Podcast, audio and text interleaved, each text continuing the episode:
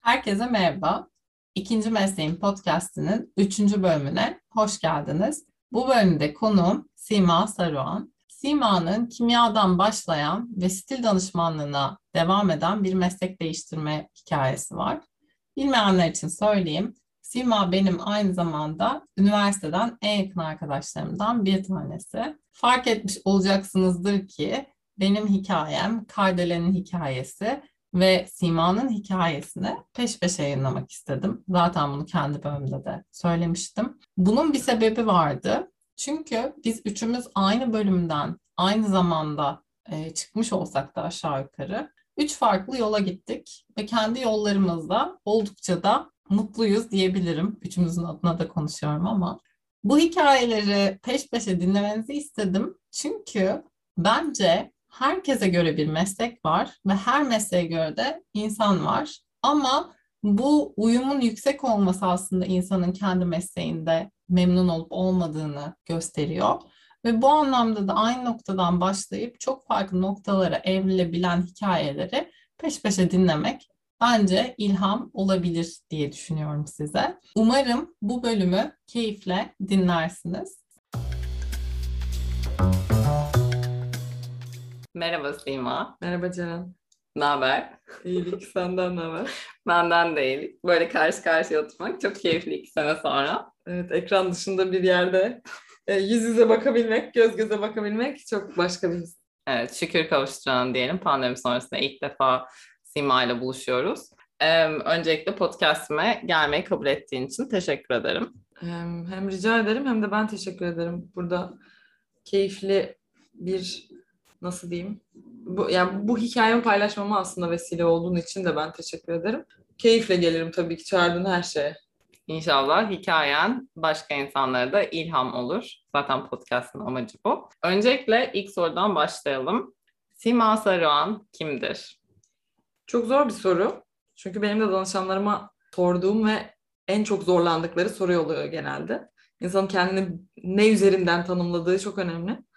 Ben de biraz düşündüm bunu bu arada tabii ki o kadar sorarken.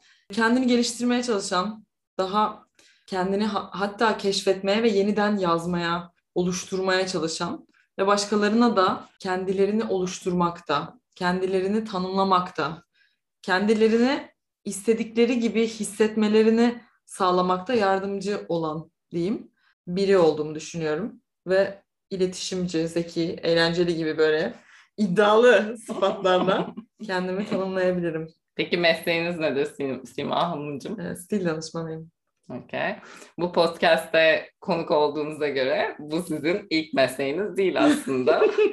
Yani meslek olarak zaten değerlendirilmiyor bu arada aslında meslek yasası olmadığı için. Ama iş olarak da ilk e, kendimi tanımladığım iş diyebilirim. Daha önceki mesleklerim tabii ki okuduğum, eğitimini aldığım şeyler farklıydı. Ama ilk defa kendimi tanımladığım şey diyeyim buna. Hı. Peki nereden nereye geldi olay? Nereden başladık? E, Boğaziçi'nden başladı kimya bölümüyle. Yollarımızın kesiştiği kimya bölümüyle başladı. Sonra konservatuvar okudum ben. Bir yarı zamanlı müzikal. Yani bir kimyager bilim insanı sonra bir müzisyen olarak tanımlayabilme şansı elime geçti. Ama kendimi stil danışmanı olarak tanımlamayı seçtim ve seçiyorum her günde. Peki bu meslek değişimi yani kimyadan konservatuara, konservatuardan stil danışmanlığına e, nasıl oldu böyle hani çok yani doğalında diyeyim bir insanın evet bu mantıklı bir e, ilerleme diye düşüneceği bir gidişat değil. Senin Hı hı. için bu e, değişim dönüşüm nasıl oldu tam olarak? Ya radikal bir karar gibi görünüyor ama birazcık gerçekten değişim gibi değil de dönüşüm gibi oldu benim için. Yani kimya okurken e, ben kimya bölümünü çok isteyerek seçtim. Boğaziçi istiyordum zaten. Ama ben ne istediğimi bilmiyormuşum. E, şu, ben şurada belirtmeli miyim bilmiyorum. Böyle çok açık ara birincilikle girdim bölüme. Ve hani bir sürü başka mühendislikler, başka üniversiteler vesaire olurken ben özellikle Boğaziçi istiyordum. Hı hı. Biraz da belki hani ailemin ve onların Boğaziçi mezunu olmasının vesaire Hı. hani belki bir etkisi. Ama ben neyin içine attığımı kendimi bilmiyormuşum. Kendimi çok da tanımıyormuşum. Hı hı. Okumak istediğim dersler üzerinden gitmiştim ben kimya seçerken. Sonrasında okuldayken müzik kulübü, işte güzel sanatlar kulübü vesaire kulüplerle çok içli dışlıydım diyeyim ama daha çok müzik kulübüyle. Zaten okula girdikten hemen sonra ben kimyager olmayacağım belli diye kafamda belirdi bu yani. Çünkü anlamıyorum, anlamak istemiyorum, öğrenmek istemiyorum, ilgimi çekmiyor ve ben kesinlikle daha sanatsal ve daha görsel şeylerin peşindeyim. Bunun üstüne işte bir yandan korolarda söylüyorum vesaire ve sesim kısılıyor söyledikçe. Yanlış söylüyorum deyip kursa gideyim. Kursa gitmeyeyim o zaman ne yapayım? İşte konservatuvar var zaten yarı zamanlı. Ee, güzelce de eğitim de güzel güzel orada kendimi geliştiririm diye gittim. Yine bir müzisyen titri almak için, şeyi almak için gitmedim. Ünvanı için gitmedim aslında. O yüzden kendimi ne kimyager ne müzisyen olarak tanımladım. Devamında da yarı zaman müzikal okuma sürecimde bir müzik etkinliğindeyken, biz bir konserdeyken bir moda tasarımcısıyla Bahar Korçan'la tanıştım o sırada. Sonra dikişle zaten biraz içli dışlıydım. Çünkü kurslara gidiyordum. Kendimi böyle meşgul tutmak ve bir şeyler üretmek istediğim için, kumaşlara dokunmak istediğim için çok böyle dokusal bir insan olduğumu keşfettim ve sonra onun üstüne gittiğim için dedim ki ben sizin yanınızda staj yapmak istiyorum. O da iyi ne zaman başlayabilirsin dedi çünkü onunla bir müna- münasebetimiz vardı. Bizim giysilerimizi o tasarlamıştı o etkinlik için. İyi ne zaman başlarsın dedi. Bugün müsait misin dedi bana. Ben böyle yanımda çantamla ha o olur falan dedim. O gün başladım. Sonra o benim için işte bu benim mesleğim olacak. Yani tekstil hani diye adlandırabilirim. Moda veya tekstil diyeyim hatta ikisi birlikte. Burası benim hani kıyafetler ve aksesuarlar benim işim olacak. O zaman anladım gerçekten. O zamana kadar da hani böyle bir meslektir, iştir. Bunun üstüne çok düşünmezken bir anda böyle çat diye hayatıma hızlıca girdi kıyafetler diyeyim. Sonra oradan Barcelona'ya gittim. Bunu öğrenmek istiyorum ve bunu ben iş olarak yapmak istiyorum diye. Moda tasarımı master yaptım. Orada moda tasarımı okurken bir yandan staj yaptım vesaire Mango'nun, Mango Central'de e, merkezinde yani. Biraz daha mutfağını gördüm işin üretimi, daha doğrusu stok kontrolü, işte hangi mağazalara neden bu ürünleri gönderiyoruz, neden bunlar daha fazla satıyor. Çok da hızlı bir sirkülasyon var ve biraz da böyle bir rahatsız edici bir tarafı var modanın ve hızlı modanın. Ee, o sırada kendime böyle bir Instagram hesabı kurmuştum. Çünkü bir yandan Türk kadını olmak, dünyada hatta belki kadın olmak her zaman çok kolay olmayabiliyor. Ee, vücudun, yaptıkların, konuşma tarzın, görünüşün, işte dövmelerin, kaşların, saçların üzerinden çok yargılanıyorsun ve buna dair böyle işte daha çok giyim ağırlıklı bir Instagram hesabı açtım. E, vücut tipleri üzerinden örnekler ve işte tavsiyeler veriyordum. Stil danışmanı o zaman ne yapar? Stil danışmanı kimdir? Hiçbir fikrim yok. Hı hı. Sonra danışmanlık veriyor musunuz diye bir birkaç böyle bir soru gelmeye başlayınca dedim ki ben bunun eğitimini almadan bunu veremem. Çünkü ne yapar bilmiyorum.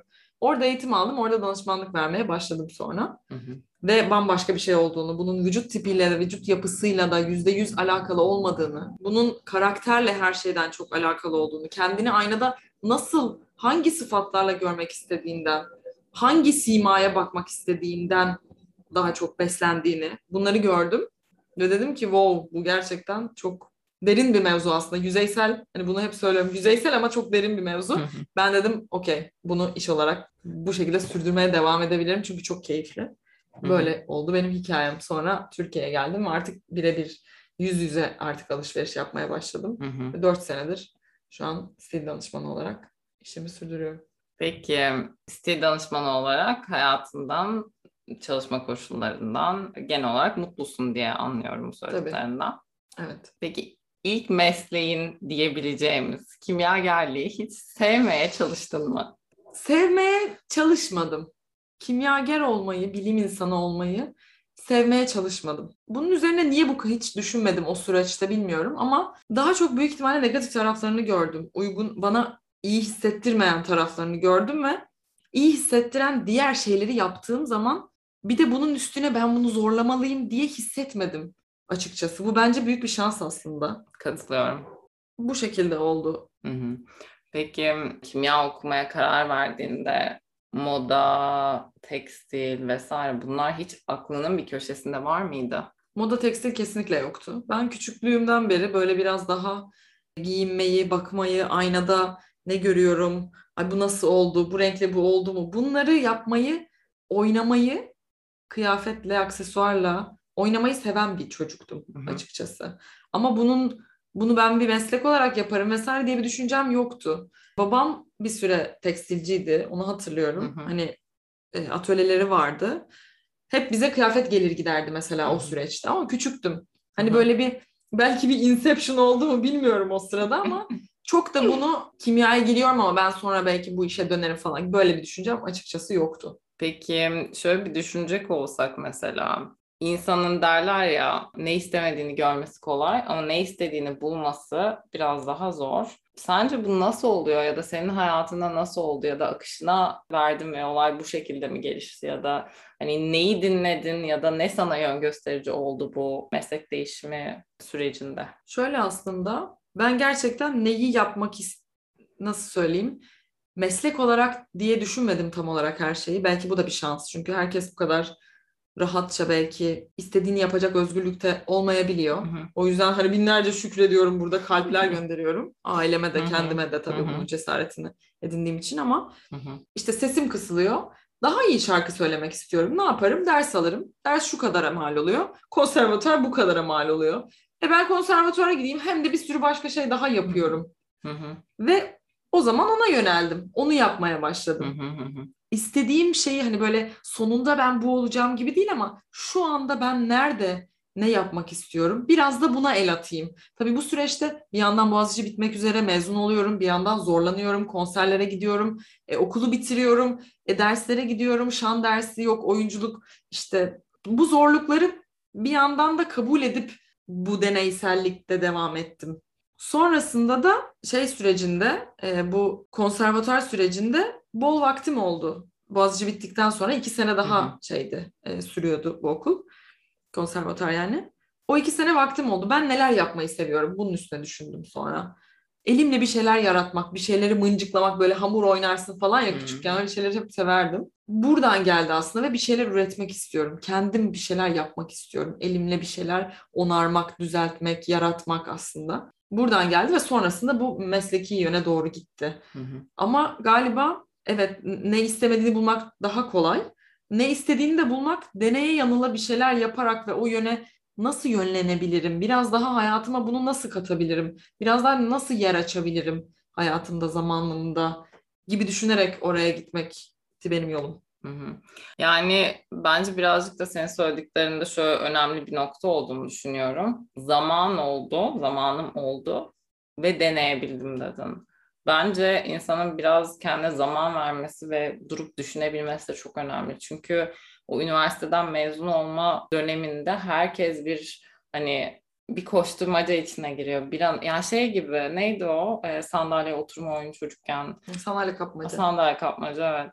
Hani sanki herkes oturacak bir işe ben oturamayacağım ve ayakta kalacağım gibi hissettiklerini düşünüyorum Hı hı. çoğu insanın ve o bir şekilde sana o durup düşünme vaktin varsa bile sanki yokmuş gibi hissettirip bir panikle bir karar verdiriyor. Yani belki bilmiyorum hani senin hikayende bu tarafa gitmek istemeni fark ettiren gerçekten şey belki de o zaman oldu. Belki konservatuara gidiyor olmasaydım belki direkt hani kimyadan mezun olduğunda hemen bir şeyler yapman gerektiğini düşünseydin çoğu insan gibi bir işe gireyim, bir şey yapayım ya da işte neyse artık bir karar vereyim gibi. Belki o deneme yanılma vaktine de sahip olmayacaktın. İşte dikiş kursuna gidemeyecektin, o kumaşlara dokunamayacaktın ve en nihayetinde hani benim yapmak istediğim şey bu diyecek noktaya gelemeyecektin. Bence o zamanı biraz insan kendine tanıması da önemli çünkü ya bilmiyorum bence biraz kültürel olduğunu düşünüyorum baktığımızda. Bir yarış atı kültürü var. Hani bir an önce bir şeyleri yapman lazım. Hani mesela yani benim başıma gelmedi ama çevremden birkaç insan başına geldi. Üniversite sınavında oldu mesela istediğin yeri kazanamadın. Bir sene mesela işte mezuna kaldın. Aman tanrım hani yandın bir sene gitti hayatından ne yapacaksın şimdi falan gibi ya da bilmiyorum o zamanlar öyle düşündürülüyordu bize belki şu anda düşünce şekli değişmiştir diyeceğim ama kesin değişmemiştir bence.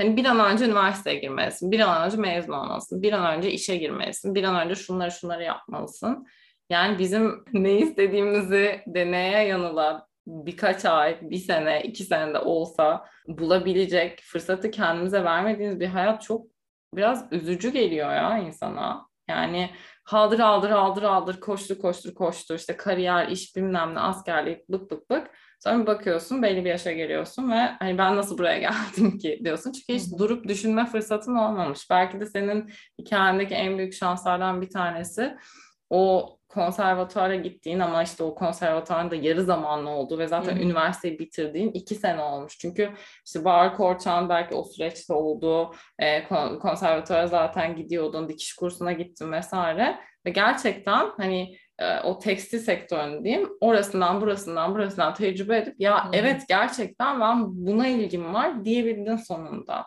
Hmm. Ama onu yapamasaydın kim bilir belki de şu anda başka bir iş yapıyor olacaktın ya da başka bir mesleğe sahip olacaktın. Evet. O bayağı önemli diye düşünüyorum. Kesinlikle öyle bu arada. Yani bunun da tabii ki arkasında başka şeyler de var. Özellikle maddi koşullar, aile koşulu, sosyal yani etrafından gelen destek veya gelmeyen destek veya Hı-hı. köstek. Hı-hı. Bunların da bence etkisi çok büyük ama dediğin doğru yani bu vakti eğer tanımasaydım o ya da bu şekilde bu vakti kendime tanımamış olsaydım başka bir yerde olabilirdim. Belki yine mutlu olabilirdim. Bence Hı-hı. mutlu olurdum bu arada ama bu kadar memnun olur muydum? Bilmiyorum. Bilmiyorum. Başka bir şey olmadığı için şu anda o ihtimali düşünmüyorum ama çok memnunum. O yüzden onları düşünecek Hı-hı. halim yok yani. Hı-hı. Peki yani tabii ki maddi manevi bir sürü farklı şey var, dinamik var bu söylediğimin altında ama yani bilmiyorum belki çok şanslı bir yerden duyulacak bu ve bunun için üzgünüm. Ama yani bir insan üniversiteye girdiğinde mezun olduğunda hadi 18 yaşına girdi de 4 sene mezun oldu 22 yaşında. E 22 sene boyunca ailesi bir şekilde onu desteklemiş. Eğer gerçekten bence o kişi mutsuzsa bir sene daha destekleyebilir ya. Yani 22 sene desteklemişse o bir sene gerçekten o kişinin neyse artık belki 6 ay belki 3 ay sadece buna ihtiyacı olan süre. Yani bir sene yani jenerik bir sayı olarak söyledim. Ama hani bu kadar insanların üstüne stres yapılmasın ve hadi hadi hadi bir an önce bir şey bul işte sandalye kapmaca oyununa dönmesi biraz üzücü geliyor açıkçası. Çünkü en nihayetinde yani bir çocuk yaptığında onu destekleyeceğini biliyorsun bir noktaya kadar. Ve o nokta belki bir sene daha uzasa bu çocuk gerçekten işte yeni mezun ama ne bileyim yaptığı şeyden mutlu değil, okuduğu şeyden mutlu değil. Onu yapmak istemiyor çünkü okurken görmüş ki stajlarda ona göre değil bu meslek. Okuduğu şeyi sevse bile. E belki kendi yolunu çizmek için ona biraz daha vakit verilebilir diye düşünüyorum ama bu toplum baskısı biraz e, maalesef üzücü gibi sanki. Şöyle bir şey var bence bir yandan. Biz her zaman o 3 aylık süreci durmak olarak düşünüyoruz. Mesela dedin ya bir sene de olabilir, 6 ayda, 3 ayda. Durmak zorunda değilsin. Sadece arada durmak. Yani diyelim ki evet çok daha yorucu olabilir bir insan için ama 9-6 çalışıyorsun ya da işte neyse. Çıkışında da bir sürü şey yapan ve kendini deneyimleyen, hafta sonu da bunlara zaman ayıran da bir sürü insan var. Yani bir yandan çalışırsın atıyorum ekonomik bir geçim kaygısı vesairesi Hı-hı. varsa bir yandan çalışıp bir yandan başka bir taraftan para biriktirmek veya Hı-hı. zaman ve deneyim biriktirmek ve hafta sonu bunlara vakit ayırmak veya kendini geliştirmeye vakit ayırmak bunlar da olabilir. İlle dur ve bir sene hani sabbatical year gibi Hı-hı. böyle hani boş sene bırakıp da düşün ve işte inzivaya çekil bu olmak zorunda da değil. Ama bir yandan keşfetmeye, bakmaya, denemeye devam etmek. Sadece durmak değil, zaman ayırmak. Yani zamanı durdurmak değil ama bir o programında bir zaman şey yapmak. Ona nasıl denir? Ee, yani zaman aloke etmek diyeceğim evet. İngilizceden Türkçe'ye çevirerek Asla ama... Türkçe bir kelime bulamadığımıza göre evet bu kadar. zaman ayırmak işte.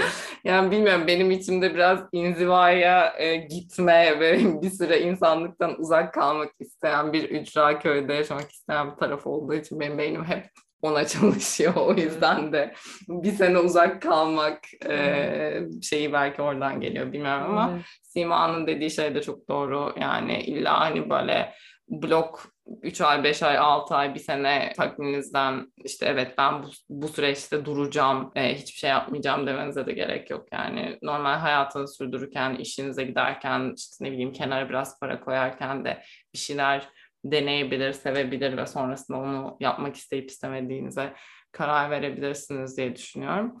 Peki şunu sorayım. Hani vardır ya toplumumuzda, şimdi kimseye şey yapmak istemiyorum ama Boğaziçi mezunusun. Tekstilci mi olacaksın?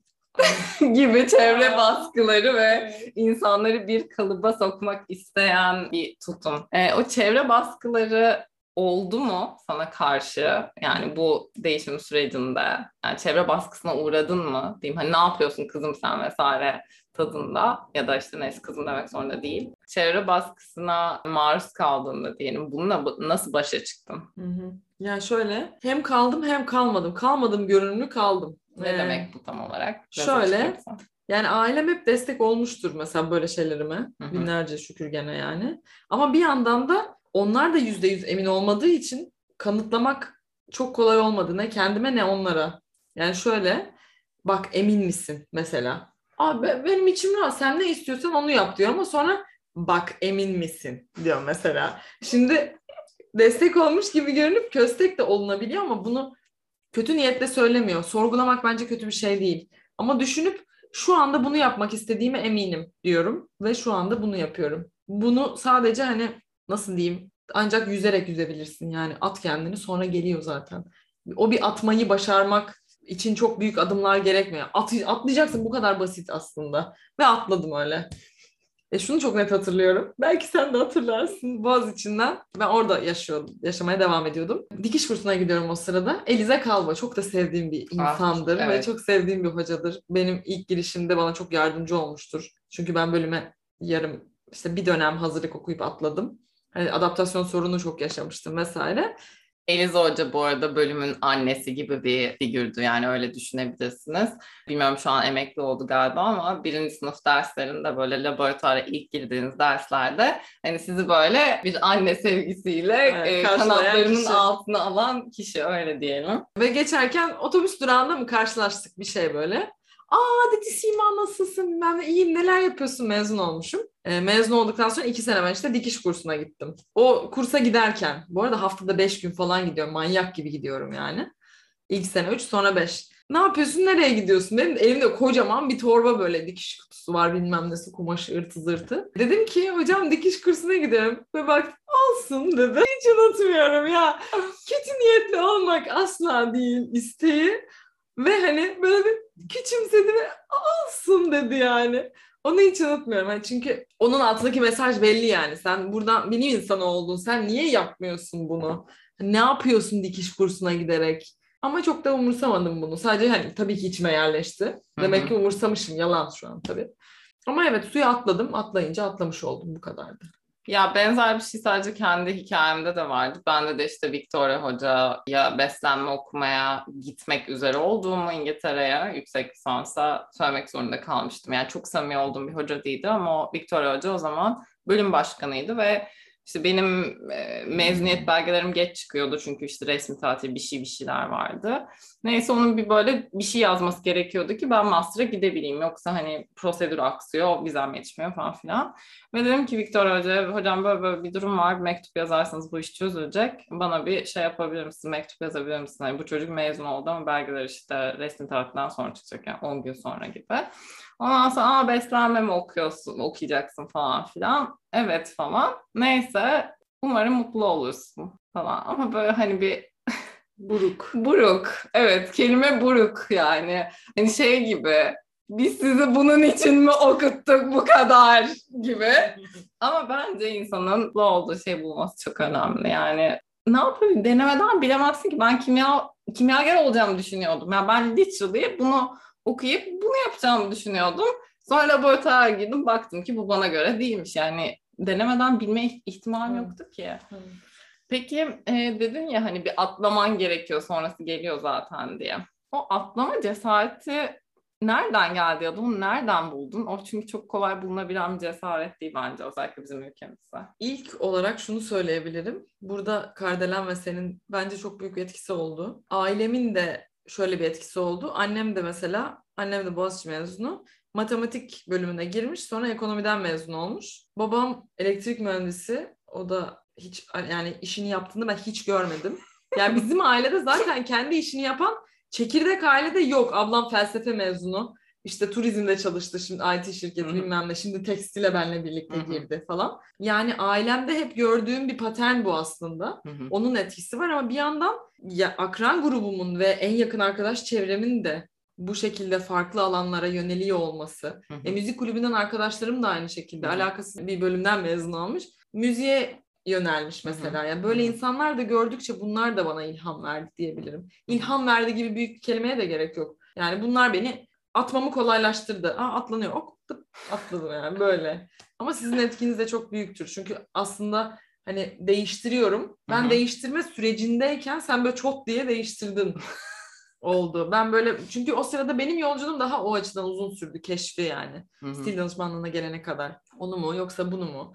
Moda tasarımı mı? Peki bir moda markası yaratmak mı? Ama bir yandan da şöyle zorlukları ve şöyle güzellikleri var. Ama ben bunu tek başıma yapabilir miyim? Yani böyle düşünme süreci ve deneyimleme sürecim daha uzun sürdü. Hı hı hı. Sen atladın ve orada kaldın mesela o şeyde, o alanda. Belki o yüzden o, o sabit olarak da yapılabiliyor bu falan. Belki bunu görmemi kolaylaştırmış olabilir. Yani tabii aslında şöyle bir benim belki ne nasıl diyeyim avantajım oldu. Biz aslında aynı sen 2013'te bitirdin değil mi? Hepimiz parça parça farklı zamanlarda bitirdiğimiz için bölümü. Hı hı. Sen ha- Haziran 2013. Haziran'da Temmuz. bitirdin? Temmuz. Tek ders sınavıyla Okey bitirmiştim. tamam ben de tek aynen tek ders yok bir dakika tek ders ama yaz okulunda bir oku- şey ders almıştım. Ben de Ağustos'ta bitirdim 2013 yani e, üniversiteyi ve aslında Boğaziçi'nde kimya okurken seçmeli derslerde 3. 4. sınıfta işte biyokimya, gıda kimyası falan filan alınca ve zaten kişisel olarak da beslenme, spor, işte sağlık bilmem ne bunlara ilgim olduğunu görünce ya beklemeye ne gerek var ki hani beni şu an tek cezbeden şey bu görünüyor Aynen. deyip çünkü başka hiçbir şey yok tutunabileceğim yani gerçekten yok beni mutlu eden ya da mutlu hissettiren Ee, ama baktığında hissettirebileceğini düşündüğün. aynen hani denemeye değer gördüğüm bile başka hiçbir şey yok yani tek Çok bir önemli. şey var o da bu o zaman hani cumburlop diye mezun olur olmaz mezun oldum Atla. officially Ee, işte kaç yani Ağustos bilmem kaç 20 falan 20 gün sonra zaten İngiltere'de master programı başlamıştı falan böyle bir her şey çok ucu, ucu ucunaydı. Ee, herkesin hikayesinde farklı şeyler var, zamanlamalar var ama belki de böyle olması senin işini kolaylaştırdı. Hı hı. Seni görmek başkasının atlayabilmesini kolaylaştırdı. Hı hı. Hepimizin hikayesi birbirine dokunuyor aslında. Peki şunu sorayım. Yani sonuçta Boğaziçi Kimya zor bir bölüm bence. Bayağı zor. İş yükü falan çok çok fazla yani Evet. bir ne bileyim sosyal bilimler okuyan insanlara göre falan. Hani laboratuvarlar, laboratuvarlar şeyleri, deneyleri, her hafta deney raporu, ra- laboratuvar derslerinin ekstra sınavları, finalleri bilmem ne. Hani iş yükü bazı bazı bölümlere göre belki de iki kat daha fazla bile olabilir. Ve zor bir bölümdü. Bunu okumuş olmaktan dolayı modaya, tekstile kaydığında ya bu zamana kadar ki emeklerim boşa gitti diye hiç düşündün mü? Hiç umurumda bile olmaz. Hayatımdan 5 sene gitmiş ama hayatımın belki 25 senesini bana vermek üzere gitmiş. Bir sabrı öğreniyorsun. Yani her işin, benim de şu an yaptığım işin sevmediğim kısımları yok mu ya? Mümkün mü? Her insanın sevmediğin özellikleri Aynen. var. Her nesnenin veya in- kendinin bile sevmediğin özellikleri var.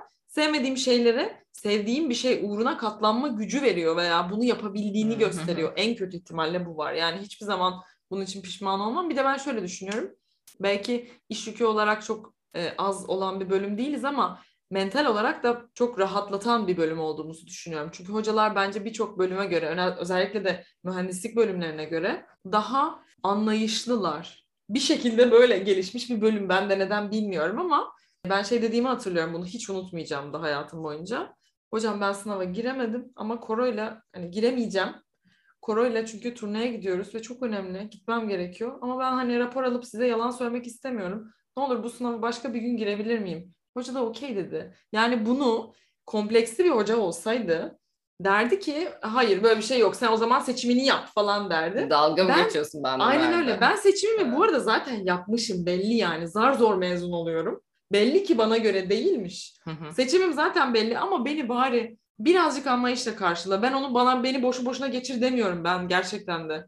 Özellikle tek ders sınavından yani nasıl bir uykusuzlukla ve nasıl bir çalışmayla, nasıl bir azimle hocalara sorular soruyorum bu şekilde mezun oldum. Sen hangi dersten yine tekrarsa? Fiziko-kimya 1. O dönemi hiç unutmuyorum ama bu söyleneni daha da unutmuyorum. Çünkü bence çok e, önemli ve benim hayatımı bu kadar rahat dönüştürebilmemi sağlayan itici böyle kaldıraçlardan bir tanesiydi.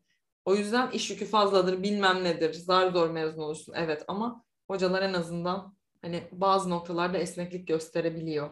O yüzden bin şükür. Yani bilmiyorum bence bölümün çok ufak bir bölüm olması, işte 30 kişi giriyor her sene ve bölümde belki 25-30 tane hoca vardır yani aşağı en az bir 20 hoca vardır öyle diyeyim. Ve onun dışında da aslında hocaların birçoğu da e, yaş olarak yaşlıydı yani biz bölüme girdiğimizde birkaç tane genç hoca geldi sonrasında ama belki onları biraz daha anaç yaptı, biraz daha anlayışlı yaptı, Hı-hı. biraz daha e, görmüş geçirmiş Hı-hı. yaptı. Bu da belki bizim şansımızdı. Belki 10 sene sonra Boğaziçi Kimya'ya girenler o hocaları bulamadığı için farklı bir ortamla karşılaşacak. Evet. Onu da bilemiyorsunuz ama evet bu bizim bence de bir şansımızdı diye düşünüyorum. Peki şunu soracağım. Yani ben böyle düşündüğüm için değil ama insanların böyle düşünebildiğini bildiğim için soruyorum bunu. Hani stil danışmanlığı çok niş bir iş. Hele ki Türkiye'de aşırı niş bir sektör diye düşünüyorum. Katılırsın herhalde. Bununla ilgili mesela hiç ekonomik kaygıların oldu mu? Yani ben bu mesleği ediniyorum ama nasıl geçineceğim ya da bu işten hani nasıl bir gelir elde edeceğim ya da hani hayatımı idame ettireceğim. Bu nasıl olacak diye hiç düşündün mü? Çünkü çoğu insan bunu düşünür herhalde bu, bu meslek için özellikle. Düşünmemek namümkün bence. Özellikle bu kadar bilinmeyen, duyulmamış bir iş için ve bu kadar da niş bir iş için başlangıçta tabii ki de daha fazla. Şimdi bile ara ara duyuyorum tabii. Ama başlangıçta bunun hayatı geçindirebilecek bir şey olmasını bile düşünmemiştim şu an geçindiriyorum. Şu an biraz daha benim tabii geçmişten gelen hani kaygılı bir bünyem olması vesaire bunlardan dolayı ara ara böyle e, bu devam edebilecek miyim buna falan gibi hissediyorum ama yani dört senedir bunu kendi evimde yaşayarak çeşitli lükslerimi rahatlıkla karşılayarak bunun üstünü düşünmeyerek yaşayacak şekilde yapıyorum işimi. Ama başlarda bu çok daha ağırdı. Çünkü başlarda hani yeni yeni tabii birkaç senedir özellikle bir Instagram'ın da getirdiği birçok başka stil danışmanlığı, işte stil danışmanı hesabının vesaire e, bu işin aslında birçok insanın ihtiyacı olabilecek bir iş olduğunu görmesiyle stil danışmanlığı daha bir revaçta olmaya başladı. Hı hı. Ama en başta bu işe başlarken, ilk danışanlarımı alırken e, başka işler yapıyordum. Bir yandan bir ofiste çalışıyordum yarı zamanlı, bir yandan içerik üretiyordum, bir yandan danışanların dosyalarını hazırlıyordum, alışverişleri için destek oluyordum vesaire. Tabii ki böyle bir süreç oldu. Bir anda pat diye hayatına güneşler, çiçekler ve böceklerle gelmiyor hiçbir yenilik. Her yenilik zor. Bunu sadece kıyafetini değiştirdiğim insanların bile hayatında yaşadığı yenilikleri adapte etmesi kolay değil. Ben bütün mesleğimi ve hayat tarzımı değiştiriyorum tabii ki kolay değil ve kaygılarıyla birlikte geliyor. Bir de senin e, meslek değiştirme sürecinde bir de ülke değiştirme kısmı da var aslında. Bence birazcık bundan da yani bahsedelim, değinelim. Hı. Şimdi burada Türkiye'de Boğaziçi'nde kimya okudun ve bu eğitim İngilizceydi. Sonra bu iki senelik Türkiye'de kaldığın süreçte Sima şu anda o günleri Allah, yad edip. zılgıtlar içinde. Sonra iki, gün, iki sene e, konservatuar tamamladın. İşte dikiş kursuna gittin vesaire.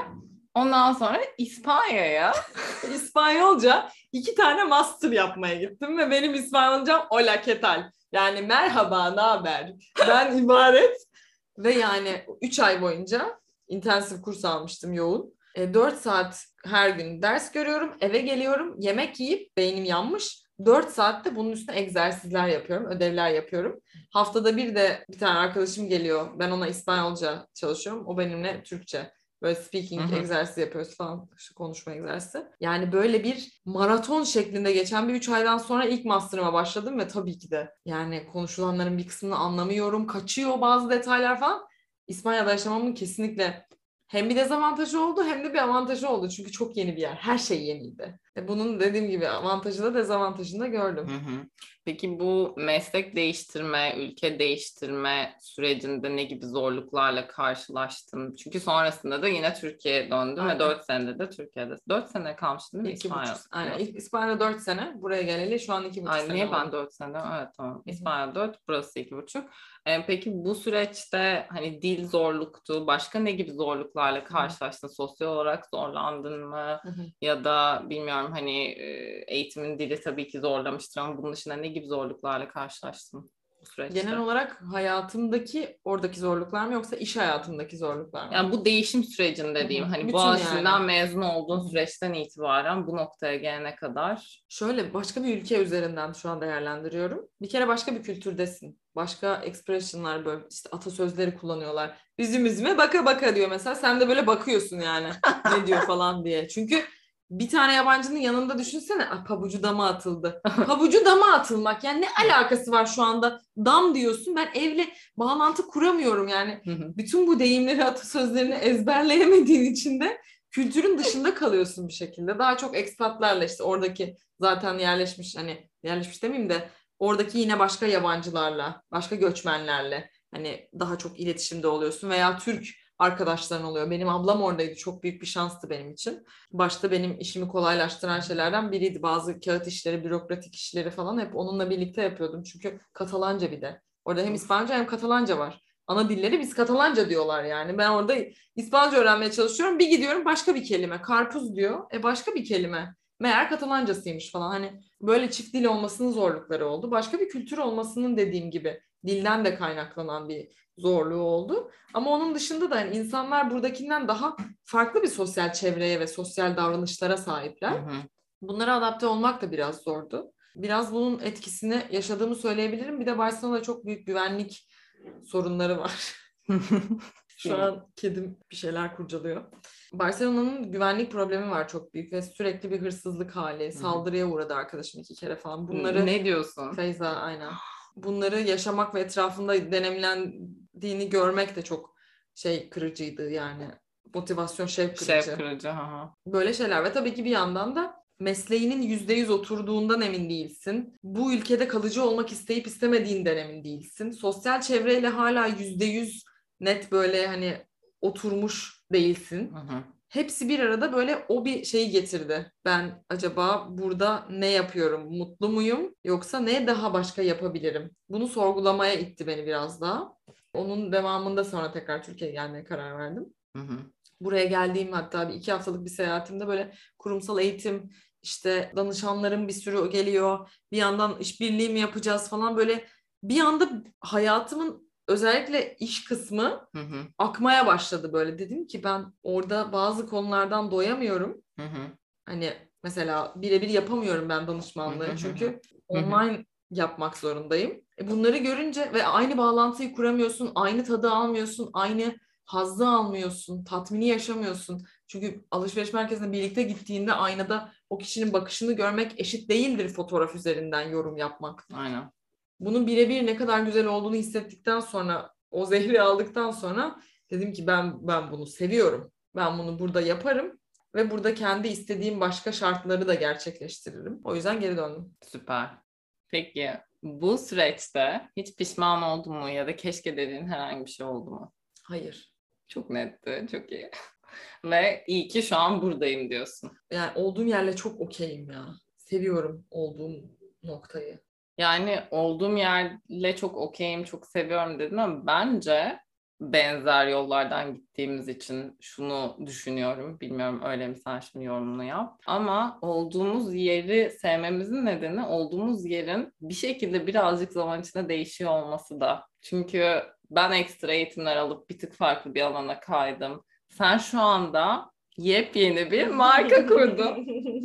belki sadece 4 senedir aynı stil danışmanlığını yapıyor olsam belki o kadar tatmin edici olmayacaktı ama bir şekilde o mesleğin içinde farklı ufak kapılar Evet. açarak ve o kapılar sonrasında daha büyük kapılar açıyor belki. Daha keyifli bir sürece dönüşüyor belki bu e, meslek hayatı kısmı. Birazcık da yeni bebeğin olan C-Store'dan bahseder misin bize? Aynen şöyle dediğine çok katıldım. Şu an hatta şu an düşündüm bunu. olduğumuz yerde durmuyoruz aslında. Olduğumuz yerde büyüyoruz ve genişliyoruz. O belki bize alan açıyor. Yani ben şu an bugün memnunum ama 5 dakika sonra memnun olmazsam diğer açmış olduğum kapıya doğru da yönelebilirim. Çünkü ben korodayken de müzikal yani koro söyleme tekniğiyle müzikalde solo söyleme tekniği çok başka. Ve ben ikisini de deneyimli olduğum, olduğum için bir tanesini beğenmezsem diğerine doğru esneyebilirim. Çünkü ben kendimi büyütmüşüm. İkisini de kapsamışım. ikisini de almışım kucağıma. Bir tanesini tercih edip gidebilirim de bir gün. Belki de bu şekilde aynen dediğin gibi bir yandan dönüştüğümüz ve geliştiğimiz, büyüdüğümüz için de kendimize alan açıyoruz. Bir gün istemezsem danışmanlığı bırakırım vesaire gibi ve buraya giderim. Ama hemen ilk soruna dönecek olursam C-Store. C bizim markamız, ablam ve benim ortak kurduğumuz sürdürülebilir giyim ve aksesuar markası. Gerçekten yeni bir bebek yani. Bizim için yeni bir uğraş, yeni böyle sürekli hem büyüyor gözümüzün önünde hem büyütmen sürekli, sürekli su istiyor. Bir yandan bitki gibi ışık istiyor. Ne kadar ışık fazla mı geldi, az mı geldi? Böyle bir deneye yanıla gittiğimiz bir sevdiğimiz bir proje şu anda. E, stok kumaşlardan yani firmaların artık olarak değerlendirdiği işte e, fazla üretilmiş olan, yedekli üretilen bazı üre şeyler, kumaşlar oluyor. Bu tarz kumaşları kullanarak ürettiğimiz bir marka diyeyim. Giyim mi bu şekilde üretiyoruz. Aksesuar kısmında da çantamız var. Kalpler gönderdiğim Bolso isimli. Hı hı. Ve onu da tamamen el yapımı. Burada yani dört ay boyunca falan sürekli ablalardan istedik. Bunu örebiliyor musunuz? Şunu örebiliyor musunuz? Şu sonunda sevdiğimiz modeli çıkarttık. O kısımda da atık kumaştan değil artık ipten yapıyoruz ama atık değil onlar. Ama onları da tamamen burada üretiminden emin olduğumuz, çalışma şeklini sevdiğimiz ve takip ettiğimiz atölye ile çalışıyoruz. Bizim atölyecimizle daha doğrusu. Onun da onayladığı atölyelere veriliyor. Tabii ki ufak tefek sorunlar oluyor. Her zaman olur. Düzeltiliyor vesaire. Ama bu şekilde birinin çöpü diğerinin hazinesidir falan böyle bir laf vardır. Hı hı. Bu şekilde değerlendirip bir hem içimize sinen hem de hoşumuza giden şeyler üretiyoruz. Bunları yeni hayata geçirdik Haziran'da. Şu anda bu devam ediyor C. Üç aylık bir bebek yani C. Çok yeni bir bebek evet. Büyümeye de devam ediyor gözlerimizin önünde. Evet. Bakalım birkaç sene sonra nerede olacaksın? Evet, inanılmaz bilmiyorum. Birkaç sene sonra belki bir şey yaparız. E, nostalji bölümü gibi bir şey yaparız. Evet. O zaman deriz ki aa yeni kurulmuştu bak burada. Peki toparlayacak olursak Sima. Sence başarının tanımı nedir? Başarılı olmak nedir? Biraz bana bundan bahseder misin? Neler düşünüyorsun bu konuda? Başarılı olmak bence durduğun yerden memnun olmak ve daha iyisi için uğraşabilecek, daha doğrusu daha iyisine gidebilecek gücü kendinde bulmak ve o yola doğru ilerleyebilmek. Çok böyle soyut bir şey oldu, tanım oldu ama kendinde o gücü bulmak zaten oraya gidebilmek demek oluyor. Oraya gittiğinde de yani bir hedef tam olarak demek istemiyorum ama gittiğin yola yatırım yapmak, kendi zamanını vesaire ayırabilmek ve o yola doğru gidebilmek bence başarı ve çok kişisel bir şey. Benim tanımım böyle. Peki. Sence herkes sevdiği iş mi yapmalı?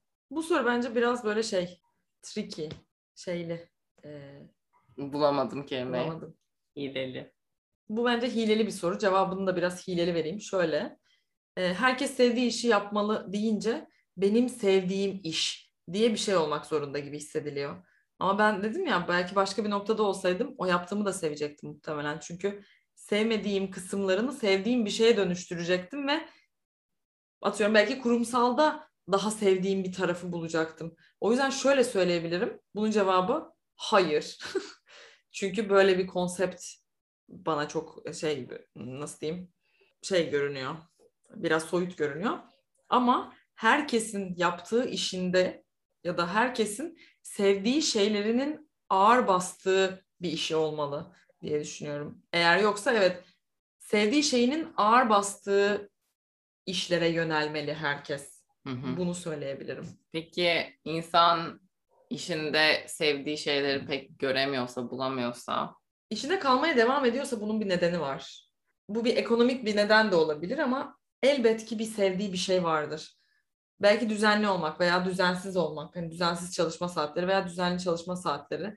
Neyi seviyorsa onu başka yerde ne, nasıl uygulayabilirim? Hangi türlü işlerde uygulayabilirim? deyip onu deneme yanılma yapmak. Belki bunu yarı zamanlı yapmak.